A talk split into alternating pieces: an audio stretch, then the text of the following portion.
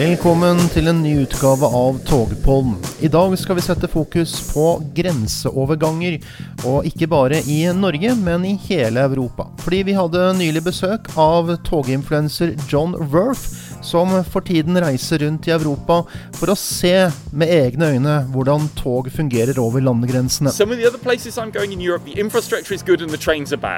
Here, the limit really is the infrastructure, and without improving the quality of those lines, there's not much room for improvement. Maybe you could get a few more trains a day. Worth kom til Oslo fredag 17.6 og ble møtt av en toginteressert gjeng på Oslo S.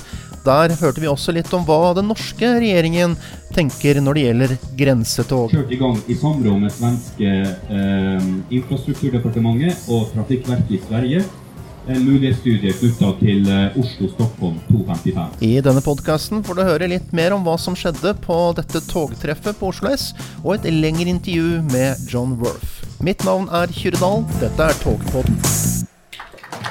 Right. Thank you very much indeed, and thank you, Christian uh, and Finn, for organizing. Um, I'm very happy to be here in Oslo, not least because there was a certain point about 10 days ago where it was looking rather questionable whether I would even get here at all. Um, the important point raised about needing better cross border railway connections to Oslo is one I therefore understand very well. Because. Did it go off? It seems the battery has died. Keep talking. Okay, so the important point is you guys here, for any of your cross-border railway connections, you're heavily reliant on Sweden. And Sweden, unfortunately, is the country of all of the countries I'm visiting on my train trip where the most things have gone wrong. Um, so I'm traveling, as Christian said in the introduction, to every EU country which has a cross-border railway to another EU country. So de facto that means 24 of the 27 EU countries, and then also adding Norway, Switzerland, Monaco, and Liechtenstein. So I'm crossing every border pair, if you like, between all of those countries. Now, why does this matter? As was just mentioned, when you cross going now, ah yeah. When you cross a border by train, everything gets more complicated. Everything gets harder, everything gets more expensive. It basically means that if international railway journeys in Europe worked as well as they do within one individual country, then we would be making progress. So let me just give a breakdown of the types of things I'm trying to highlight. I basically want to make a political project that says to the European Union institutions, if we are facing a climate crisis, we need to make sure that more people take long journeys and indeed international journeys by train. And there are certain things that need to happen in order to facilitate that, in order to allow that to happen. So what I'm then doing in, in this journey is crossing at least one border every day, in as far as that is possible. There are more than 80 border crossings in total in the project. Within 40 days and 27,500 kilometers and more than 150 trains. Where there are no trains anymore, I have a folding bicycle I'm taking with me, and that means in some places I'm cycling across the border if the trains don't run anymore. And out of all of that, I then should have a picture of what does and does not work in European railways. Vi skal høre mer fra John Worth, men på togtreffet på Oslo S så var det også en representant for myndighetene til stede. Det var statssekretær i Samferdselsdepartementet, Johan Vasara, og her forklarer han litt mer om hva myndighetene nå tenker om tog til utlandet. Eh, jeg er invitert hit for å eh, snakke litt om eh, regjeringas posisjoner knytta til grenseoverskridende jernbane, togreiser. Og det er jo noe som vi med all sannsynlighet må ha mer av i fremtida. Klimapolitikken kjenner vi alle til. Vi kjenner til FN sine varsler knytta til, til det. Og en stor del av CO2-utslippene eh, må tas innenfor transport. Eh, nå har jo regjeringa styrt eh, tiltrådt for en eh, sju-åtte måneder siden, eh, så det, det ligger i sakens natur at det er litt begrensa hva man har rukket å sette i gang. Men eh, det er satt, av, eh, satt i gang noen spennende initiativ. Eh, noen av dere regner med eh, kjenner godt til de prosjektene som er satt i gang. Eh, vi har bl.a. Eh, kjørt i gang i samråd med svenske eh, Infrastrukturdepartementet og Trafikkverket i Sverige en mulighetsstudie knytta til eh, Oslo-Stockholm 255. Det betyr at du skal kunne reise fra Oslo til Stockholm eh, og retur selvfølgelig på under tre timer. Det er en ambisjon. Og Målet der er jo å gjøre toget konkurransedyktig eh, sammenlignet med fly. Og de prosjektfolkene der eh, estimerer at det er snakk om å flytte rundt en million reisende fra luft til bane. Og det vil jo vært et veldig stort bidrag til eh, nettopp den omstillinga vi må gjøre innenfor transport til grønnere løsninger. Det er på et mulighetsstudiestadie foreløpig, og det er nok en del eh, vann som må renne i havet før vi begynner å konkretisere noe der. Men det er i hvert fall et veldig spennende initiativ som eh, nå ruller og går for full maskin. Og det eh, positive der er at også svenske myndigheter eh, helt til øverste nivå er veldig enige med oss i at det er noe vi skal se på. Eh, det andre som eh, også er en pågående mulighetsstudie, er knytta til eh, København. Herifra Oslo S så har det ikke gått et eneste nattog til, Oslo S, nei, til København på godt og vel 20 år. Det ser vi på nå og gjør noe med. Og Der pågår det da også en mulighetsstudie knytta til å etablere et natttogstilbud til København. Der ser vi både på, på, på markedsgrunnlaget, vi ser på materielltilgangen, med andre typer tog, andre typer fasiliteter. Eh, og det er også noe da som selvfølgelig må utredes på en skikkelig måte. Eh, vi ser veldig fram eh, til en eh, konkludering fra regjeringas side der, når vi kommer så langt. Det var ikke bare alvorlig togpolitikk som ble snakket om på togtreffet. Sigrid Elsrud, som nylig har kommet med en bok 'Ferie med tog reiseglede langs skinnene', hadde en liten anekdote om det å reise med tog. When I started writing about train travel, that is about seven years ago, I was not young. But indeed, I was very, very naive. My experience until then had been flying to one country, taking one or two nice trips by train, and then a new flight back home. And based on this, I started a blog, Togblogging, a blog about the joy of traveling by train. And then I started to travel by train, also across borders. And maybe still a bit uh, naive, but more and more confused, I tried to buy my tickets. And somehow I always made it, but it was hard work. And then one day, and I do remember that day, because one day I sat down to write my first blog post about how to buy tickets to European trains. And that was a game changer. Google started sending people to my blog. But I can tell you, I got my first gray hair writing that blog post. And have a look now. and guess what I have been doing since then. John Worth reiser altså rundt i Europa for å promotere bedre togforbindelser mellom landene i Europa. Han var innom Oslo forrige fredag, og der fikk vi en prat med han hvor han fortalte mer om prosjektet.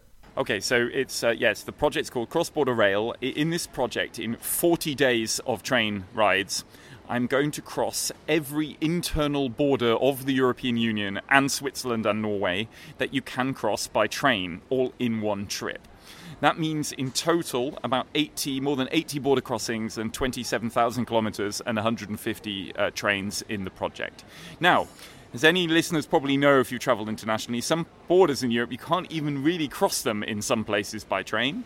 And so that's why I have a bicycle with me as well. So, where there used to be a train line but it doesn't exist any longer, or you can't take it for some reason, I'm cycling across the border instead. Now, why would you attempt a project like this? The basic problem is the moment you cross a border in a train, everything gets more complicated. Uh, the timetables are harder, getting a ticket gets very difficult. Um, uh, even finding out what trains run across, um, across border in some places um, is a hard task. So what I want to do is highlight all of these difficulties and all of the problems, and also show that actually in some places this really does work. The borders in and out of Austria, for example, are by now very good and are an example that many others could follow. So I want to particularly, and sorry, we're in Norway here, not in the European Union, my project is highly directed towards the European Union institutions. I want a better railway policy from the European Commission. The EU has put lots of money into new lines in many places, but often doesn't make sure that trains even run on those lines. So I want to highlight all of those pro- all of those uh, problems, but some of those opportunities. And what better way to do it than actually travelling to all of those places, see it with my own eyes, tell the stories from those uh, from those borders. You've been traveling for four days uh, by now. Have you come across any problems? So, uh, everything broke down going through Germany uh, because German railways has quite a lot of reliability uh, headaches uh, at the moment. Lots of engineering works. Um, I had immense problems getting here to Norway as well, but no problem on the Norwegian side. All of the problems have been on the Swedish side. Now, the crucial central point is to be able to plan any trip of any complexity by rail is you need to make sure that you have reliable information. And the difficulty is, is Swedish railways are very, very bad at providing reliable information. So just the trip Stockholm to Oslo had to be changed four times and at short notice. So first there was a train, then the tr- timetable changed due to a diversion, then there was it was cancelled, and so I had to book a completely different route going via Gothenburg. And then eventually they then put back half a train that would go um, uh, as far as I think Mariehamn, I think is the, the uh, near Karlstad. Christina uh, Kristinehamn, sorry, apologies. And um, and then. Um, and then a bus. So um, just even trying to work out how to do it uh, for that trip uh, has become very difficult. So I completely understand engineering works have to happen, but they have to be communicated much, much better than is the case in Sweden. In Norway, tomorrow, for example, there is a rail replacement bus between, uh, between Trondheim and, and Storlien. Perfect communication. Entur, it makes it perfectly clear this is what will happen, this is where you have to go. I can live with that. Swedish side, much, much harder. Som eh, du skjønner, så er ikke Jon Worth eh, veldig imponert over eh, tog i Sverige, men det er litt bedre i Norge. Men det er uansett ikke bra, og han forklarer her litt hva som bør skje for at eh, vi skal få bedre togforbindelser til utlandet. Right, so there, let's forget Narvik for a minute because it essentially connects mostly to, um, um, to Sweden. Basically, got three cross border connections. One where works are underway to improve it, that being uh, Trondheim, Storlien, Östersund finally electrifying that line. It's been electrified on the Swedish side since the 1940s. It's only uh, uh, now uh, 70 years or 80 years later uh, that uh, it's finally making progress on the, the Swedish side. That's always going to be probably a secondary connection because the size of the cities on both sides there is comparatively small.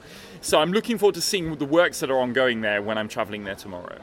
The ones that give me real headaches here are the crossing uh, Kongsvinger to Charlottenberg for if you were going to Stockholm, and uh, and Halden uh, towards Trollhättan if you're going to um, if you're going to Gothenburg and onto Copenhagen.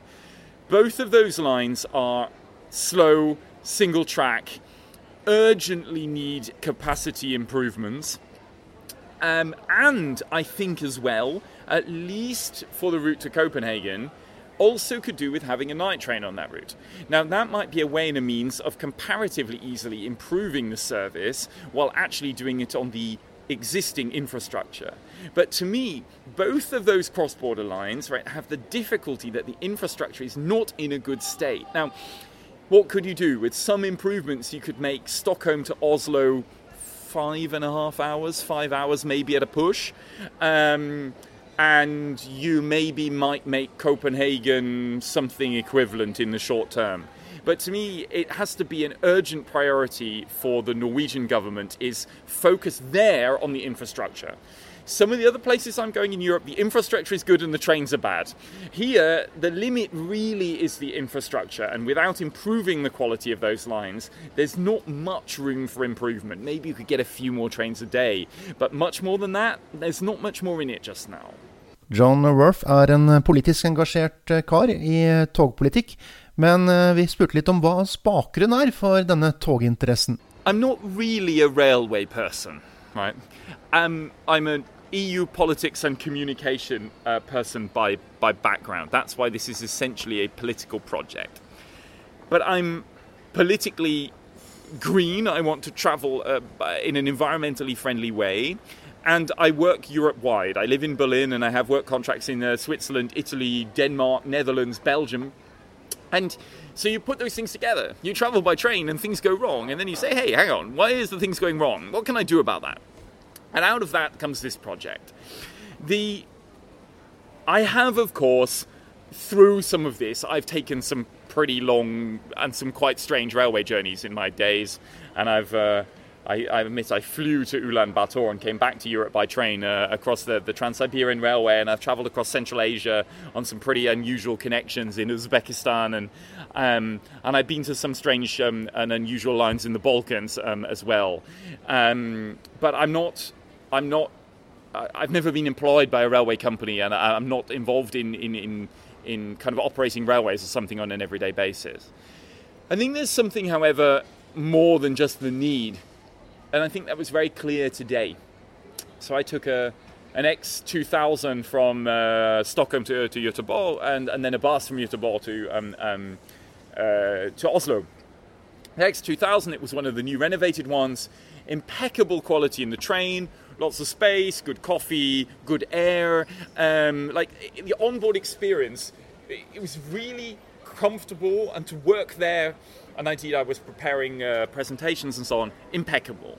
I get on the bus, it might be reliable, but the whole experience is you're crammed in, it, you have little space, um, you can't really work with your laptop. And so that kind of thing, the experience of travelling by train in many parts of Europe is generally quite good.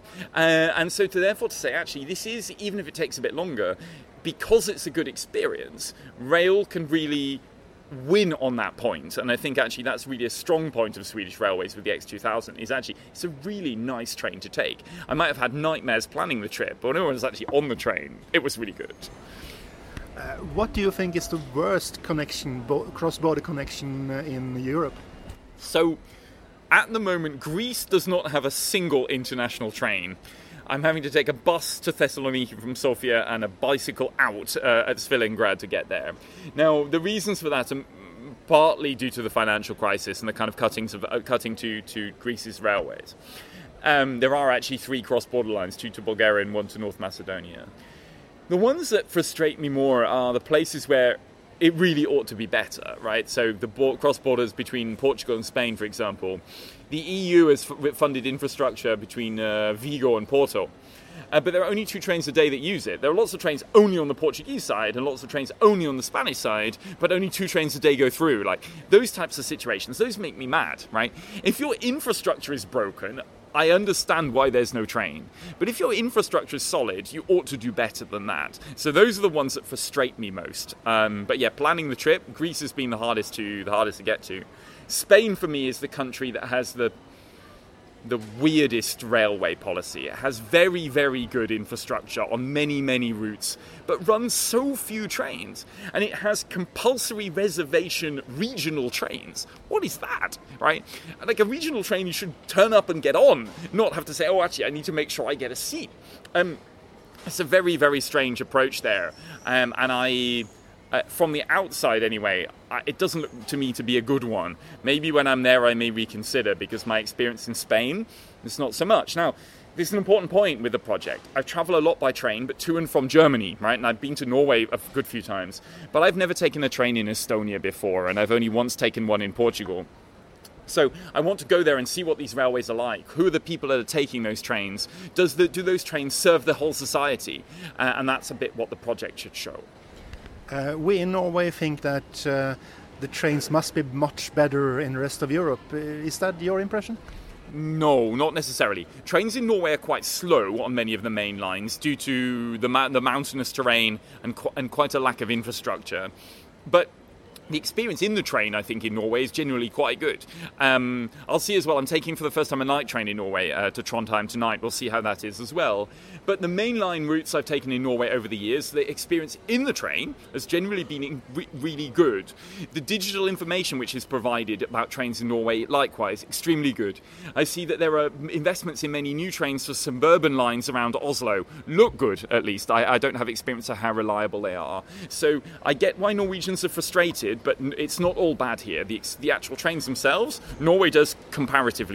Der hørte du altså John Worth, som for tiden reiser rundt i Europa for å sette fokus på tog som går over grensene. Vi ønsker han lykke til videre på ferden. Mitt navn er Kyrre Togpodden tar en liten sommerferie, men vi høres til høsten. God sommer!